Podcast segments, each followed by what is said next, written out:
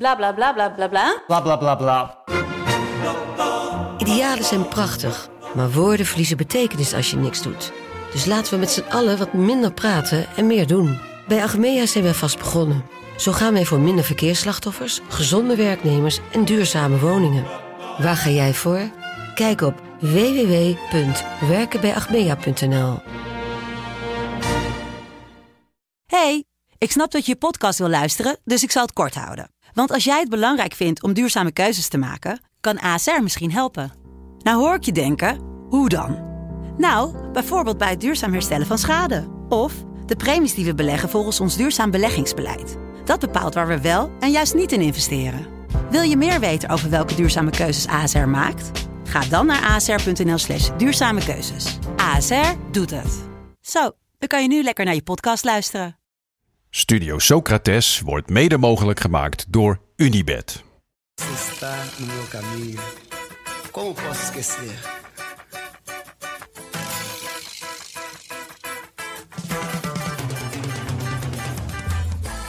Welkom bij Studio Socrates, een podcast over alles wat voetbal mooi maakt.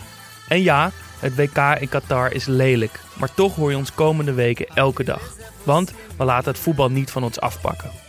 Met vandaag dag 6 van het WK in Qatar.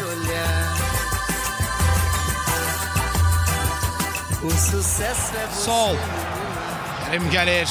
Girdi, verdi. Cealen uzaklaştırdı. Ruzbek Çeşmi. Çeşmi ve gol! Ruzbek Çeşmi! Vurdular o golü. İran komandası. Elave olunmuş 8. dakikada. Ruzbek Çeşmi. Vendaval por amor, menina. Iran boekte een heroïsche overwinning op Wales. Qatar verloor van Senegal en wordt het slechtste gastland ooit. Het Nederlands elftal haperde, maar wil nog steeds wereldkampioen worden. En we kregen een nieuwe mail van de Sporting Director Analytics van Team USA.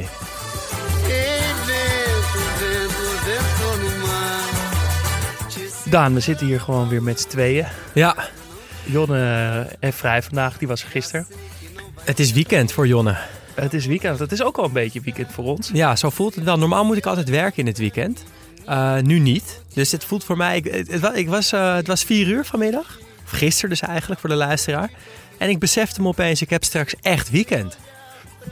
Maar ik moet toch wel zeggen dat het hard werken voelt. Die vier wedstrijden op een dag. Ja, en een zeker. show en monteren en dat soort dingen. Ja, en ik moet ook nog werken tegelijkertijd. Dus het, is, eh, het voelt een beetje als twee fulltime eh, banen tegelijk. Maar we doen het voor jullie. We kijken voor jullie wel vier voetbalwedstrijden op een dag. Ja, precies. Eh, hoe heb je vandaag gekeken? Was je ook weer op kantoor? Ja, ik was weer op werk. Ehm, Nederland wel thuis gekeken. Met mijn vriendin. Gewoon met z'n tweeën. Dat is toch ook iets wat ik eigenlijk nooit verwacht had te zullen doen. Gewoon het Nederlands elftal op een WK kijken met z'n tweeën. Ligt het aan het Nederlands elftal of ligt het aan je vriendin? Nee, het, lag, het ligt gewoon toch wel een beetje aan, aan WK, winter, Qatar dingen. Gewoon, en die tij- tijdstip. Ik, weet je, ik kom gereisd van werk en mijn vrienden hebben een beetje hetzelfde. Of die hadden al andere plannen met eh, bij hun ouders kijken of in een kroeg die ik net niet leuk genoeg vond. En toen kwam het gewoon zo uit dat ik thuis ging kijken. En het beviel eigenlijk wel goed. Het was een wedstrijd die ik echt voor geen goud in de kroeg had willen zien. Ik was blij dat ik gewoon thuis zat. En je, Eh, je hoofd onder de dekens kon verstoppen. Precies, ja. Eh, voordat we beginnen, een paar rectificaties. Ja, een rectificatie van Paling. Want ehm, ik noem structureel Imke Courtois Irma Courtois. Je moest nu ook goed nadenken Ja. wat, het, wat het juiste was. Precies, en ik doe dit al jaren. Want we hebben het in onze eh, EK-afleveringen ook over eh, mevrouw Courtois gehad. Ja, en zij is voor de duidelijkheid de analist van eh, de Belgische televisie. Ja, een steengoeie als je het mij vraagt. Maar ik noem haar dus steeds Irma, terwijl ze Imke heet. En dat is niet netjes. Dus ik ben heel blij dat Paling ons eh, daar, daarover heeft gerectificeerd. Wat is toch een geschenk om een Belgische ge- geweten te hebben. Ja, ja, en die ook gelijk ingrijpt. Die het niet laat gebeuren, maar hij stuurt gelijk een voice memo. Jongens, dit kan zo niet anders. Hij deed het ook in kapitalen. Het is Imke en niet Irma. Volgens hem is, is Imke een mooie jonge vrouw en Irma iets voor de bompas. Ja, ik eh, snap zijn gedachtegang. En verder ehm, deed me heel erg denken aan een andere, eh, ja, andere twee namen die ik altijd door elkaar haal. Dat zijn namelijk Mitrovic en Mitroglou. Die twee spitsen. Ja, Ik zeg al heel vaak Mitroglou als ik Mitrovic bedoel en andersom. Ehm, dus daar ga ik ook op letten. maar we gaan het eh, in het kader van dit WK waarschijnlijk alleen maar over Mitrovic hebben en Ja. nooit over Mitroglou. Nee, maar dus als ik het zeg, corrigeer me gelijk. Mooi, dan hebben we dat gehad. De, de administratie. Dan gaan we naar ons Panini-item. Het is de laatste jaar dat Panini de voetbalplaatjes verzorgt. Eh, en daar, dat vinden we zonde, want het is toch een icoon. Dus we hebben een, een pakje gekocht. Daar zitten vijf plaatjes in. Daar zijn we mee begonnen. En elke dag gaat er eentje uit. En maken we een nieuw pakje open. En kiezen we er daar eentje van die er weer in gaat. Onze huidige selectie ziet er zo uit. Andre Frank, Zambo Anguissa. Ali Reza Jahanbakkers, Yuto Nakatomo, Frenkie de Jong en Yelchin Tejeda. Eh, ik kies er eentje uit die eruit gaat en jij mag een nieuwe Ik kiezen. vrees met grote vrees. Ja, je voelt hem al aankomen. Kijk, Andre Frank, Zambo Anguissa had niet de wedstrijd van zijn leven, maar ik heb het, het glitterplaatje van Senegal eruit ges- gestemd. Dus die moet nog blijven staan. En je bedoelt van Cameroen. Eh, van Cameroen, sorry. Ehm, Die van Senegal heb je trouwens ook een keer laten lopen. Ja, dus ik, snap dat je in de war bent. Ehm Ali Reza Jahan Baks kan na de, de historische overwinning van vandaag er niet uit. Yuto Nakatomo wordt ook, die blijft er voorlopig ook nog in staan. Frenkie de Jong gaat er denk ik nooit uit. Dat houdt ons bij Yelchin Tejeda. Het was, het was één geweldige dag. Het was een geweldige dag. Hij heeft een mooie naam met een mooi verhaal. Maar meer dan dat is het niet. Het is niet een voetballer waar wij warm van worden. Dus Nee. Yelchin, eh, goodbye. Goodbye Jeltsin. Ehm, ja, een nieuwe pakje. Eh, Ik moet zeggen, het was het, eh, misschien wel het meest veelzijdige pakje wat ik tot nu toe heb opengemaakt. Het was een hele bonte verzameling voetballers. Jaco Godin.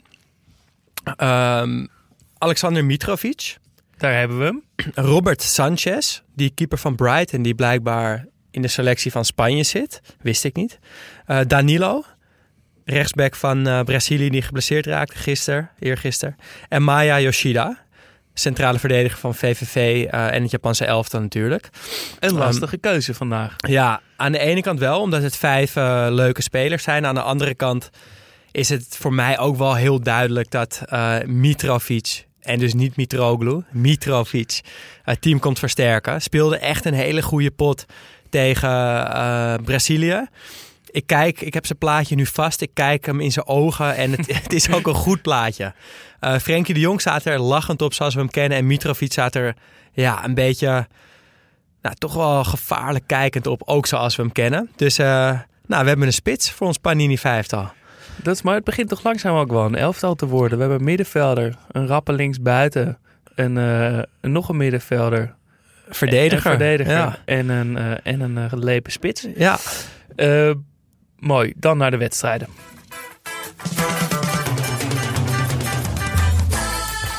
Om 11 uur trapten we af eh, met Wales-Iran. Ja, de allerleukste wedstrijd van de dag als eerste, kunnen we nu zeggen in eh, retrospect. Ehm, ja, wat, wat een overwinning. Jij zei, eh, of tenminste, je zei tegen mij, je had het eigenlijk niet in de aflevering Nee. gezegd, dat je zo baalt dat er steeds eh, eh, 10 minuten blessuretijd bijgetrokken wordt, maar dat er maar niet gescoord wordt. Ja, ik had het gisteren in het dokje gezet. Ehm, van, nou, met zoveel blessuretijd is het wachten op de eerste wedstrijd die in de laatste minuut, in de 99ste minuut beslist gaat worden. Heb ik gisteren niet gezegd. En daar baalde ik vandaag van. Want zul Dat je natuurlijk ik. altijd zien. Dan gebeurt het. Ja. En dan kan ik niet zeggen, zie je wel. Ik had het al gezegd. Nu gelooft niemand me meer. Uh, maar dat is, hoort er natuurlijk nu wel bij. Dat gaan we waarschijnlijk vaker zien. Omdat er gewoon meer blessuretijd Ja, komt. denk je niet dat het hele uh, voetbal er een beetje door gaat veranderen? Want je hebt als voetbalkijker en als, als voetbal, voetballer in het veld en als trainer natuurlijk het gevoel dat die wedstrijd ongeveer is afgelopen na 90 minuten. Maar als je al door hebt dat er in de tweede helft veel momenten zijn dat het spel stil ligt, dan kan je er al gewoon van uitgaan dat die wedstrijd 10 minuten of misschien wel 15 minuten langer duurt. En dat maakt het spel echt anders. Kan je misschien wat langer wachten met wisselen. Uh, of wat, juist wat eerder je tactiek omgooien. Omdat je ja, weet dat je fitter bent en dus meer tijd hebt om, uh, om de gelijkmaker te maken. Je kan geduldiger blijven voetballen. Ja. Dus ik vind het best wel een. eh, ik ben wel benieuwd of wij hier echt tastbaar iets eh, van gaan merken. Ehm, bij Iran denk ik dat je er toch ook wel wat van merkte. Omdat die keeper natuurlijk rood kreeg. Vlak voor het einde. Eh, ik had een gelijk spel voorspeld in mijn poeltje. Dus ik, ik dacht, ah shit, maar ja, nog maar een paar minuten komt wel goed. Maar ja, toen kwamen die 10 minuten blessuretijd erbij. Maar je, je wilt toch niet zeggen dat je teleurgesteld was dat Iran nog scoorde? Nee, tuurlijk niet. Tuurlijk niet. Maar ergens hoop je natuurlijk dat de uitslag die je hebt ingevuld, dat dat, dat, dat een wordt. Maar het was voor iedereen, behalve voor de inwoners van Wales, een sprookje dat Iran won. Maar het was, eh, ja, Toch? 100% helemaal mee eens. Ik vond het toch ontzettend knap dat je voelt toch een soort momentum ontstaan als die rode kaart komt. En Ja. je kijkt op de klok, nog een kwartiertje te gaan. En misschien wist Iran wel, nou, er kan wel best wel eens wat bij komen. Laten we niet te, ge- niet te gehaast eh, voetballen. Dus ze bleven, vond ik, behoorlijk geduldig eh, rondspelen. En niet de heet het lange bal en afstand schoten. Eh, vond ik knap van ze. En dat betaalde zich uiteindelijk ook uit. Ja, want onder aanvoering wel van Mehdi Taremi, de ja, aanvaller die eigenlijk overal op het veld te vinden was, was Iran goed. Hij, Taremi creëerde acht kansen eh, deze wedstrijd. Dan, ja, het is het meeste van alle, alle laatste twee eindtoernooien. Daarin staat hij in een rijtje met Özil, Neymar en Trippier. Ehm, dus dat was een bijzondere prestatie. Maar uiteindelijk ging het om die goals. En ja, die, die goals waren mooi, maar het juichen was eigenlijk nog, nog veel mooier. Eh, sprak je nou Trippier uit op zijn Braziliaans? Ben je Ik geïnspireerd ben, door Jan Ik ben echt geïnspireerd door Jan Roels, ja. Trippier. Eh, eh, ja, en wat, wat een heerlijke ontlading. Ik wil het even over het juichen hebben. Ja. Mogen we daar meteen naartoe? Goal 1.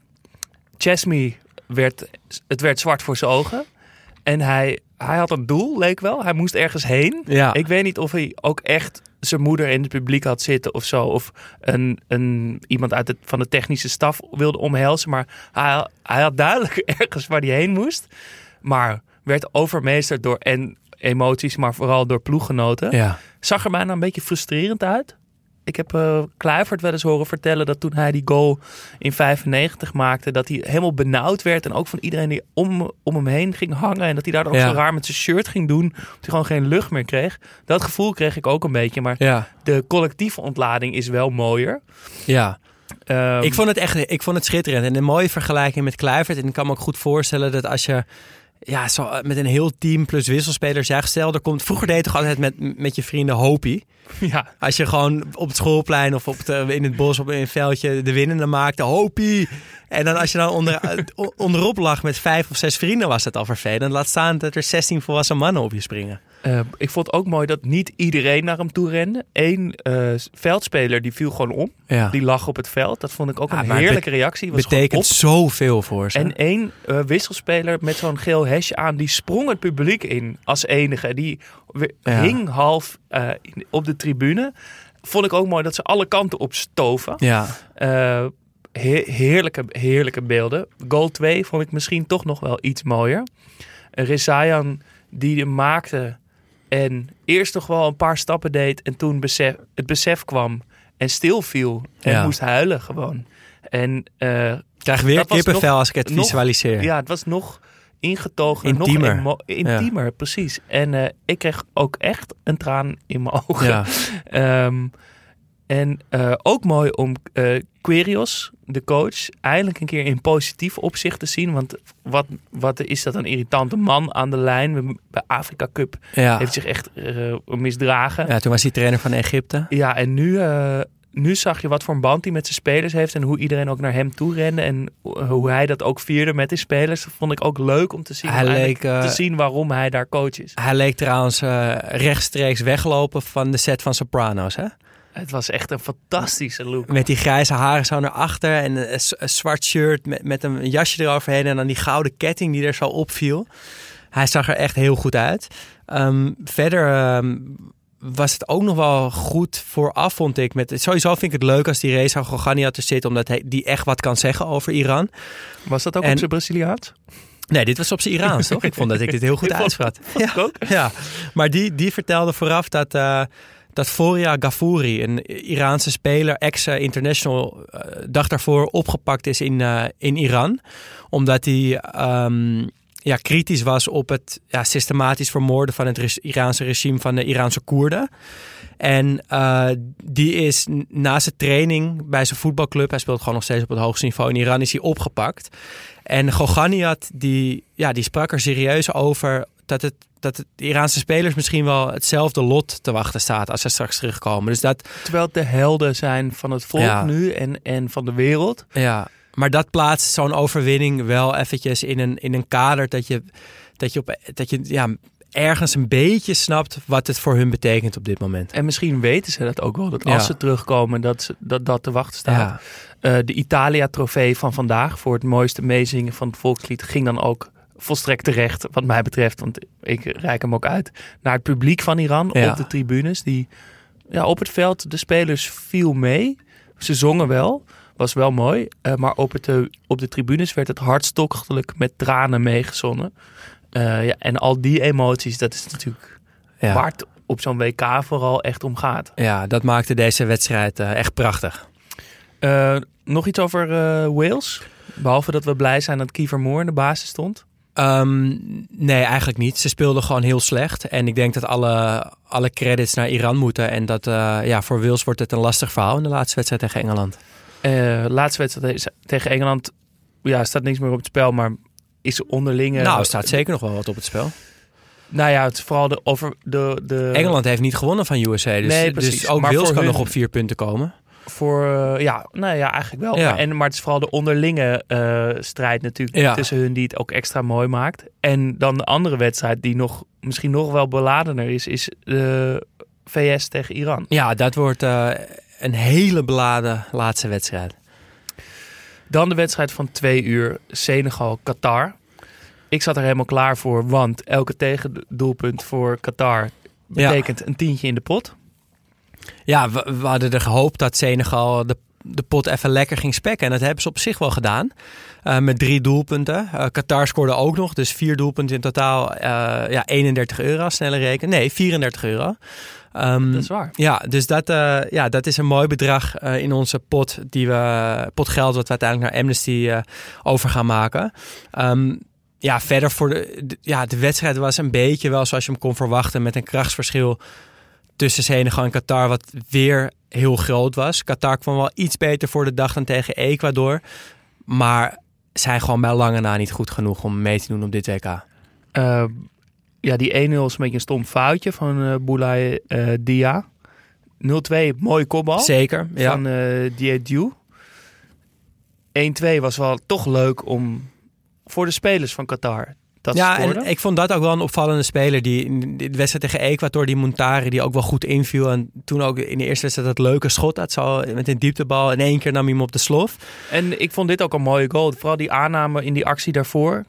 Eh, opeens toch best gecontroleerd en verzorgd ziet het er dan Ja. uit. Terwijl de rest, voor de rest alleen maar los zand lijkt. Eh, en de 3-1 toch ook een mooie goal. Vooral die eerste slalom op het middenveld was mooi. Daarna Bamba Dieng. Ja, nee, die, die eh, Senegal eh, bewijst zichzelf een dienst. En dat wordt eh, ook een hele leuke laatste wedstrijd met Senegal-Ecuador. Ik denk wel dat Ecuador iets beter is. Maar die gaat wel echt nog ergens om. Dat is wel leuk, want vaak heb je bij WK's en EK's en ook in de Champions League... dat die laatste groepswedstrijd ja, een beetje saai is omdat de beslissingen al gevallen zijn. Maar dat is in ieder geval in de eerste twee groepen nog niet het geval. Ehm, verder had jij een complottheorie. Ja, ik heb een complottheorie. Ik weet nog niet precies wat, eh wat erachter zit. Maar er viel me iets op. Namelijk het logo van de Catarese Bond is veranderd. De Catarese Voetbalbond is een, ja, heeft een rond logo. En er staat aan de onderkant QFA. En ze hadden een oud logo met kleine, simpele, sympathieke lettertjes... die ook een beetje in de kromming van het logo meegaan. Dat is veranderd. Ik kan niet vinden wanneer, maar tot vrij recent waren het nog die kleine sympathieke lettertjes. En dat is nu veranderd in een lettertype wat heel erg op het FIFA-lettertype lijkt. En vooral bij de F van de QFA zie je dat het echt FIFA-achtig is. Eh, ik weet niet wat het precies betekent, wat het inhoudt. Dat het een corrupte maffiabende is, dat weten we. Dat is een ding wat maar zeker nu denk is. ik ook dat de Illuminati erachter zit. Of Nou ja, zoiets. Ik, eh, ik zie het nu voor me en je hebt, je hebt wel een punt. Ik ben benieuwd wanneer dit gebeurd is. Dat kan ik dus eh, nergens vinden. Nee, en of de Qatar Football As- Association dan niet gewoon de Qatar FIFA Association is. Wij gaan het in ieder geval nu zo noemen. Eh viel me nog een ander ding op deze wedstrijd. Matteo Lahors, die eh, enge Spaanse Ja. scheidsrechter, was, eh, wat, deed, eh, die floot. Ik vind die, die nieuwe scheidsrechterspakjes, vond ik, nou, vind ik nog steeds vind ik niet zoveel van. Nee, Het rare kraagje heel onhandig. doorloopt, maar naar achteren toe doorloopt, een soort capeje. Eh, maar nu zag ik waarom. Omdat er dus achter in de nek van het shirt staat de naam van de scheidsrechter. Oké. Als een soort, nou, net als spelers, maar Ja. dan wat kleiner. Weet niet zo goed wat ik daarvan vind. Van die persoonlijke aandacht voor een scheidsrechter. Die moet toch in dienst van het spel staan. Maar ik dacht wel dat, eh, dat Bas Nijhuis watertandend op de bank zat om, om zijn handen op zijn, aan zo'n shirtje te krijgen. Die hoopt dat de KNVB ook overstapt naar scheidsrechters met, eh met namendrukking. Die wil dat graag hebben, Ja, toch? ik denk dat Makkeli er ook wel blij mee is. Die heeft trouwens zijn eerste wedstrijd gekregen. Spanje-Duitsland, wel een mooie wedstrijd. Ehm, die is ook denk ik wel blij dat er achterop eh Makkeli staat. Eh, en het viel me ook op, maar ik weet niet of ik daar gelijk in heb, dat er nog geen eh, landen, in ieder geval tot die wedstrijd toe, nog niemand in zijn uitshirt had gespeeld. Oeh. Ik heb volgens mij alleen maar thuisshirts gezien. Nou kan ik me vergissen, kan er wel één of twee tussen zitten. Maar het viel me toch op. Eh, ben even teruggegaan, maar kon het niet echt vinden. Bij Nederland-Ecuador wel. En ook de Verenigde Staten, de later, eh, Ja. speelden in de uitshirt. Maar dat waren volgens mij de eerste twee. Kan gewoon toeval zijn. Eh, maar laten we dan dus ook meteen maar naar het uitshirt van Ecuador gaan. Oh nee, naar de wedstrijd Ja. Nederland-Ecuador. Eh, we moeten het er toch even over hebben. Ja, ehm, waar zullen we beginnen? Ja, het, wa- het was niet goed. Het was absoluut niet goed. En eh, het was een beetje misschien al af te lezen in de opstelling met Koopmeiners, Klaassen en Timber die een basisplek kregen. Met Timber was ik op zich wel blij, omdat de licht niet goed speelde. Ehm, maar met Klaas en Koopmeiners wat minder. En ik wil vooral het even over Koopmeiners hebben. Want ja, volgens mij moet Koopmeiners gewoon lekker met België mee gaan doen. Want Laat die- het Paling niet horen. ja, maar die speelt echt in het tempo van die oude Belgische middenvelders. Van, van Witzel. Eh Tielemans is dan niet zo oud, maar die speelde Hazard. ook in, in dat tempo Hazard. En je ziet, eh, je ziet dat heel mooi naast Frenkie natuurlijk, die, die in hoog tempo speelt. En vooral in het scannen van de omgeving zie je het heel goed. Frenkie is heel kort steeds om zich heen aan het kijken. En Koopmeiners die kijkt heel lang ergens naartoe. Gewoon een paar seconden en dan kijkt hij weer even rechtdoor. En dan kijkt hij een paar seconden de andere kant op. Dat scannen dat gaat zoveel trager bij Koopmeiners. En verder is het gewoon... Bij Ko- is, die, die krijgt de bal. Paasje breed en dan gaat hij een beetje zo wijzen. Krijgt hij weer terug. Paast hij hem eh, naar Van Dijk. Gaat hij een beetje om zich heen kijken. Krijgt hij weer terug. Weer een tikkie breed naar Ake. Gaat hij weer een beetje staan wijzen. En bij de volgende pasen heb ik het idee dat hij daarna gaat lopen vogelspotten of zo. Zolang, eh, zolang kijkt hij naar de lucht. Maar dit, ik, ja, ik, ik, ik, zit nu al een, la- een lange tijd naast jou met, eh, voetbal te kijken. En ik, ik hoor jou hier vaker over. Maar ik, ik ben bang dat ik me er een beetje blind op staar. Want hij speelt toch gewoon, hij heeft toch gewoon heel goed gedaan bij AZ. Heeft een fantastische transfer naar Atalanta gemaakt waar hij goed speelt. Speelt nu op een, op een wereldkampioenschap. Van Gaal is een coach waar ik ontzettend veel vertrouwen in heb. Als hij hem opstelt, dan, Ja. dan doet hij toch iets heel erg goed. Ehm, nou, wat je zegt, nou, dat Van Gaal opstel, dat is wel iets wat ik heel serieus neem. Verder vond ik hem persoonlijk bij AZ niet zo goed. En bij Atalanta is hij volgens mij dus ook niet zo heel goed. Tenminste, ik heb hem nog nooit een hele goede wedstrijd zien spelen. Terwijl ik best wel vaak Teun Koopmeiners heb zien spelen. En uiteindelijk, en dit klinkt dan misschien super arrogant of zo, vertrouw ik toch mijn eigen ogen het meest. Van ja, ik ben er inderdaad niet bij wat hij allemaal doet op de training bij het Nederlands elftal. Of op die wedstrijden van Atalanta die ik niet zie. Maar als ik hem wel zie, dan ben ik gewoon echt niet onder de indruk Maar- van Koopmeiners. Hoe kan, een, hoe kan een speler dan op zo'n niveau terechtkomen? Ehm, ja, ik vind het lastig. Ik denk dat bij, bij koopmijners en bijvoorbeeld ook bij Klaassen... dat daar, dat daar een bepaalde gunfactor ook bij zit. Eh, ik denk ook dat het heel erg helpt dat, dat zij zich goed kunnen uiten... eh, voor de camera en waarschijnlijk dus ook in gesprekken met trainers en assistenten en teamgenoten. Eh, dat- dat ze op op, op een bepaalde manier toch wel op een het, voetstuk... het, eh, zal, het zal een marge misschien zijn als het al meespeelt. Maar dat kan toch niet als je, als je goed voor de camera bent, kan, kom je toch niet op een WK te spelen? Nee, maar als jij goed bent met in het, eh, bijvoorbeeld in het gedachtegoed van de trainer vertalen naar, naar het veld. Of dat overbrengen op teamgenoten of de boel in het veld bij elkaar houden. Dan is dat denk ik wel een kwaliteit waar, waar trainers van houden. Uh, het, zal, het zal best dat hij daar goed in is. Alleen ik vind nog steeds het allerbelangrijkste wat je met een bal doet. En als je koopmijners ziet spelen, alles wat hij met een bal doet, uh, dat kan iedereen met een bal. En dan denk ik, ja, uh, Van Gaal, je stapt ook een beetje af van jouw kijk op voetbal. Want hij, Van Gaal staat voor aanvallend voetbal, voor creatief voetbal, voor innovatief voetbal, vernieuwend. Uh, en je hebt Noah Lang meegenomen, je hebt uh, Xavi Simons meegenomen, je hebt Taylor meegenomen. Allemaal jongens die wedstrijden kunnen openbreken, die iets onverwachts kunnen doen. Die een wedstrijd die een beetje dood aan het bloeden is, weer tot leven kunnen wekken. Volgens mij hadden we dat vandaag nodig. En niet de degelijkheid van Teun Koopmeiners. Ik, ja, nee. Ik, het was inderdaad niet om aan te zien. toch wel uh, mooie goal van Gakpo met, met links. Ja, hele mooie goal. Maar hij, hij is toch rechts? Of ja. vergis ik me nou? Nee, hij is zeker rechts. Maar eh, blijkbaar is hij ook links. Want als je zo'n zo bal kan inschieten, dan ja, ben je wel bijna tweebenig. Al moet ik wel eerlijk zeggen, je ziet toch aan zijn manier van schieten... Uh, dat het zijn chocoladebeen is. Want het gaat niet zo soepel als met rechts. Het is meer een soort van hakbeweging bijna. Uh, maar het was echt, hij, hij soefde heerlijk binnen. Uh, moeten we het nog even heel kort hebben. Want nou, we, we, hebben al wel echt een beetje zitten fitten op de NOS. En het commentaar wat en de shows die ze rond het WK maken. Uh, maar het viel vandaag wel weer echt op.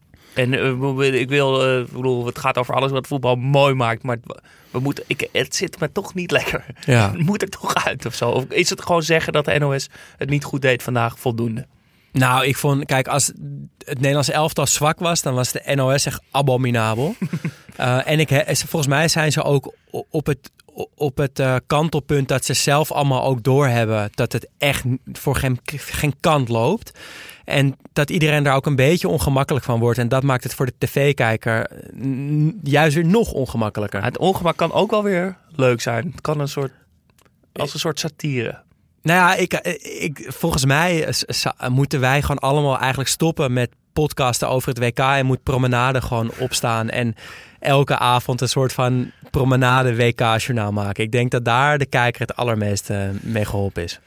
Het, het voelt een beetje alsof we al zijn uitgeschakeld met Nederland. Terwijl, nou, we kunnen gewoon eerste worden in de pool. Ja. En dan tegen Iran Engeland, Wales uh, ja. komen. Nou, ik moet me wat dat betreft ook nog wel een heel klein beetje aansluiten bij Van Gaal. Die zei dat Ecuador een hele lastige tegenstander is om tegen te spelen. Dat is denk ik ook echt zo. Ze zijn niet zo goed aan de bal als Brazilië of Spanje of Duitsland of zo. Alleen ik denk serieus dat het voor Nederland misschien wel lastiger voetbal is tegen Ecuador dan tegen Spanje of Duitsland. Dus wat dat betreft zegt die 1-1 maar ook niet zo heel veel in de kansen van Nederland op, op meer dan nou, de achtste finale, kwartfinale. Uh, en ik denk sterker nog, als Ecuador doorgaat wat ik verwacht...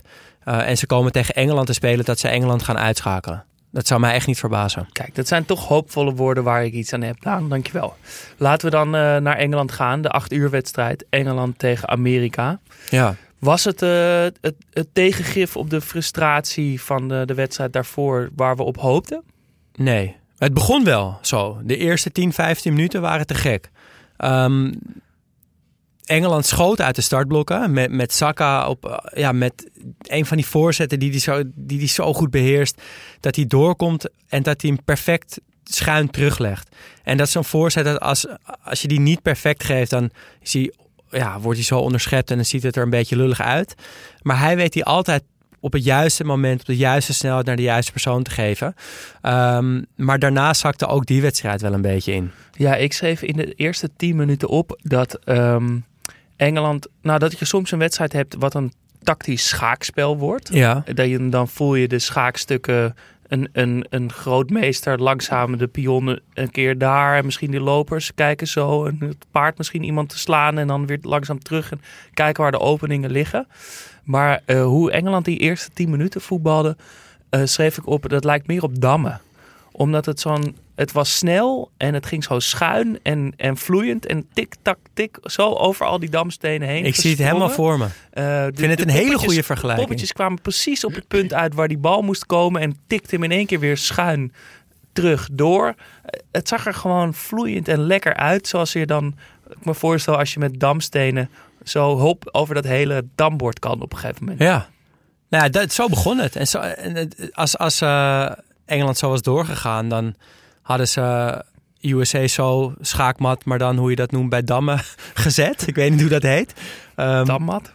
ja, maar dat was niet zo. En, en uh, ja, USA was niet zo goed aan de bal, denk ik, als de eerste wedstrijd. Maar wel ook wel weer fris en brutaal. En, en brutaal en fit. En ik kreeg net een appje van, uh, van Wout, een luisteraar van ons, die zei van dat, dat die fitte ploegen wel heel erg opvallen dit toernooi. In positieve zin. Dus met, met Canada, met de USA en met Ecuador. En uh, ja, ik ben het er daar deels wel mee eens. En misschien dat dat wel het grootste uh, punt is wat zichtbaar is vanwege die korte voorbereiding dat echt fitte ploegen de, meeste voorsprong hebben. Omdat die tactische patronen die je normaal in een week of vijf wel kan inslepen, inslijpen, dat dat nu niet gelukt is. Dus dat fitheid echt de doorslag gaat geven.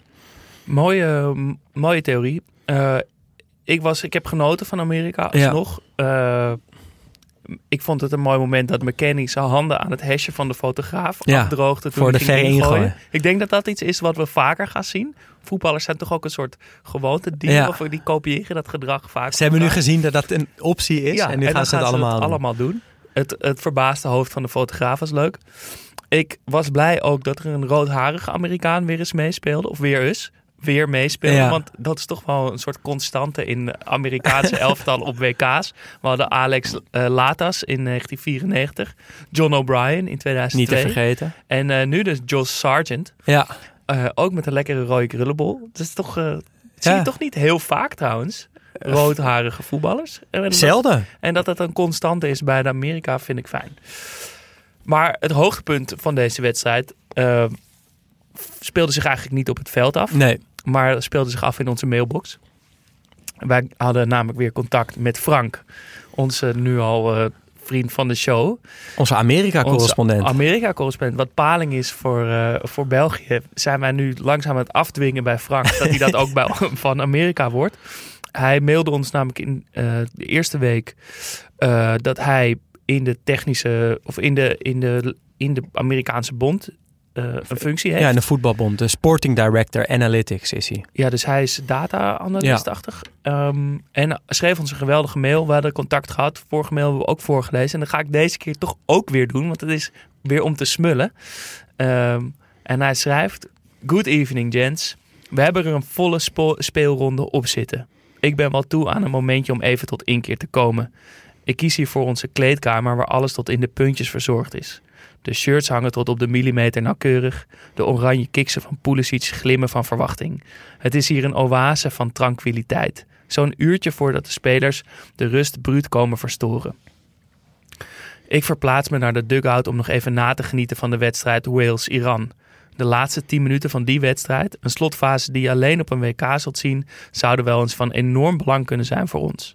En ineens valt er vanavond voor ons niks te verliezen tegen het machtige Engeland. Volgens Southgate is het time to teach the Yankees a footballing lesson.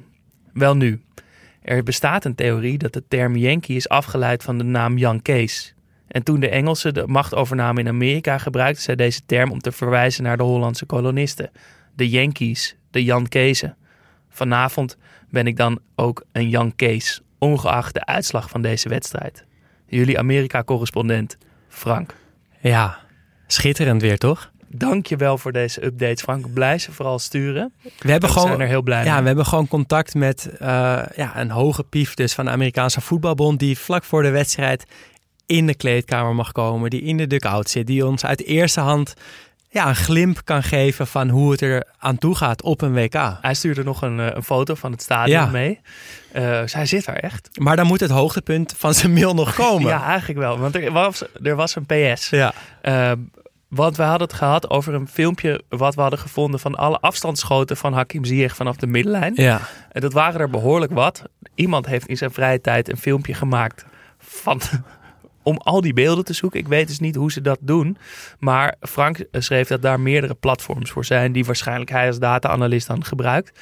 Ehm, en hij stuurde ons een voorbeeld van een van die filmpjes mee. En het was misschien wel een van de mooiste filmpjes die ik dit kalenderjaar Nou, heb gezien. Die ik mijn leven Gehoord. misschien wel heb gezien. Gewoon qua... hij wist qua precies de vinger op de juiste plek te leggen. ja, Precies wat wij mooi vinden. ja, en als je gewoon iets niet verwacht, is het vaak nog mooier. Eh, en dit had ik gewoon echt niet verwacht. Eh, en ik denk dat het het leukste is als we er gewoon even naar gaan luisteren, toch?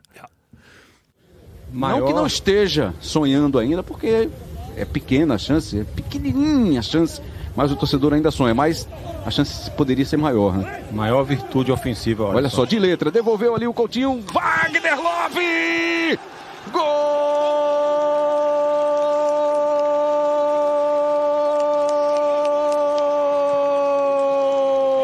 Um golaço do Love! Love, Love, Love, Wagner Love! Het is dus een filmpje van, eh, nou wat is het, vijf minuten met de laatste goals van Wagner Love in het shirt van Sporting Recife. Eh, met Braziliaans commentaar. Ja, die de mooiste voetbalnaam zal uitspreken zoals hij uitgesproken moet worden. Wagner Love. Ja, het is toch Geweldig. ongelooflijk? Wat is dit smullen. Ja, Dankjewel Frank. Hoe, hoe, ja, je weet niet hoe blij je ons met dit filmpje en je mail hebt gemaakt. Ja, want nog even voor de, voor de relatief nieuwe luisteraar. Wagner Love, vind jij Jasper de mooiste voetbalnaam die er ooit geweest is? Ja, vind ik niet. Is, Is gewoon al. een feit. Ja, en Frank heeft dat dus ooit gehoord in een van onze afleveringen. Heeft ons gezegend met dit filmpje. Dankjewel Frank. Dat brengt ons op eh, de Amnesty-actie. Eh, Jonne heeft een actie in het leven geroepen waarbij hij 1 euro voor elk doelpunt doneert aan Amnesty. En 10 euro voor elk tegendoelpunt van Qatar. Eh, de teller stond tot vandaag op 50 euro. Ja, dit zijn de dagen dat er geld verdiend wordt. Ja, dus vandaar dat we ook Senegal erg aan het aanmoedigen waren. En het was goed voor drie doelpunten, dus dat is alleen al 30 euro. Met de andere goals erbij komt dat vandaag op 38 euro. Tellen we bij die 50 op, wordt 88 euro in de pot. Wil je dit nou eh, meedoen? Eh, vind je dit een mooie actie? Zit je ook thuis te kijken en denk je, ik moet er iets mee. Ik geniet van het WK, maar ik voel me toch schuldig. Kan ik niet iets doen? Dat kan. Eh, dit is een actie waar je mee kan doen. Je kan zelf het bedrag bepalen, maar wij hebben een, eh, een actiepagina op de website van Amnesty. Eh, je kan daar lid worden en of je kan gewoon doneren. Ja, Je kan het elke dag doen, je kan het eenmalig doen, je kan het na afloop van het WK doen.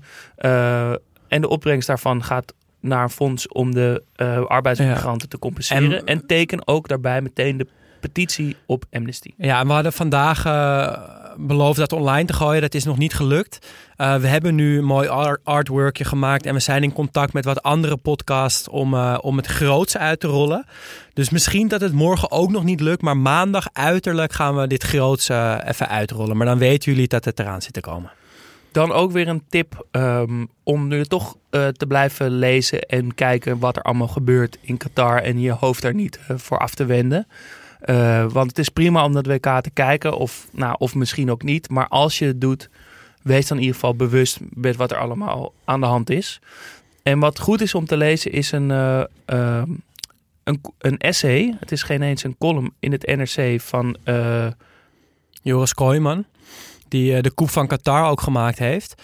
En die heeft een aantal dagen geleden of een week geleden misschien inmiddels heeft hij het enige wat in mijn ogen nog een klein beetje ontbrak in die podcast, namelijk wat moet je nou als tv-kijker met dat hele Qatar-verhaal? Van, hij heeft in die podcast perfect uiteengezet hoe dat WK in Qatar heeft kunnen belanden. Eh, wat voor geopolitieke spelletjes daar gespeeld worden. En hoe eh, nou, corruptie en fraude eigenlijk ertoe geleid heeft dat het WK in Qatar gehouden wordt. M- maar dan rest de vraag, ja, wat moet je als kijker daar nou mee? En wat voor rol speel jij als eh, ja, voetbalconsument eigenlijk in dat hele spelletje van Qatar in de FIFA. En dat legt hij in dit essay haarfijn uit. Dus neem zaterdagochtend, zondagochtend even de tijd om dat te lezen. Ik zal het in onze show notes zetten. Dan kan je er één keer naar doorklikken. Het essay heet Ook u, voetbalfan, bent een pion in het geopolitieke spel van WK-organisator Qatar. Lekkere pakkende titel. Morgen weer vier wedstrijden. Om 11 uur Tunesië, Australië. Om 2 uur Polen, Saoedi-Arabië. Om 5 uur Frankrijk, Denemarken.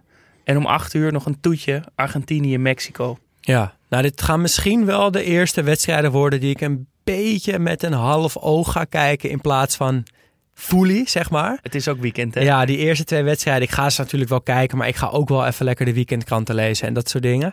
Uh, maar vanaf vijf uur Frankrijk, Denemarken en acht uur Argentinië en Mexico, daar heb ik eigenlijk wel, wel toch wel weer heel veel zin in. Na onze afsluiting uiteraard ons item van Elias Mazian, die weer een, uh, uh, een fantastisch column heeft geschreven over muziek uit een land wat vandaag in actie is gekomen. Vandaag was dat Ecuador, met muziek erbij. Dankjewel Elias, nogmaals. Blijf daar vooral voor luisteren. Uh, we hebben ook een afspeellijst op Spotify staan waar je alle nummers terug kan luisteren. Studio Socrates WK playlist, dan kan je hem vinden. Dankjewel Daan. Tot Dankjewel, morgen. Jasper. Zet hem op met alle wedstrijden. Jullie ook bedankt voor het luisteren. Geef ons vijf sterren op Spotify, Podimo, Apple of waar je ook luistert. Dat helpt ons enorm. En word vriend van de show vanaf 2,50 euro per maand. En? Ja, uh, dan help je ons.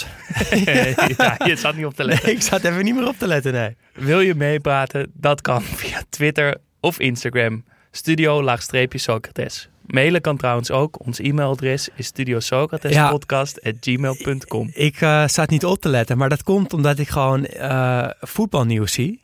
Namelijk dat uh, Dick Advocaat het waarschijnlijk gaat oppakken bij ADO Den Haag. Ja, dat is een mooie afspraak. Dus die gaat voor zijn twintigste keer toch niet met voetbalpensioen. Maar ze pakt even ADO uh, mee. Geweldig, en, toch? En die gaat het ook goed doen, toch? Waarschijnlijk wel.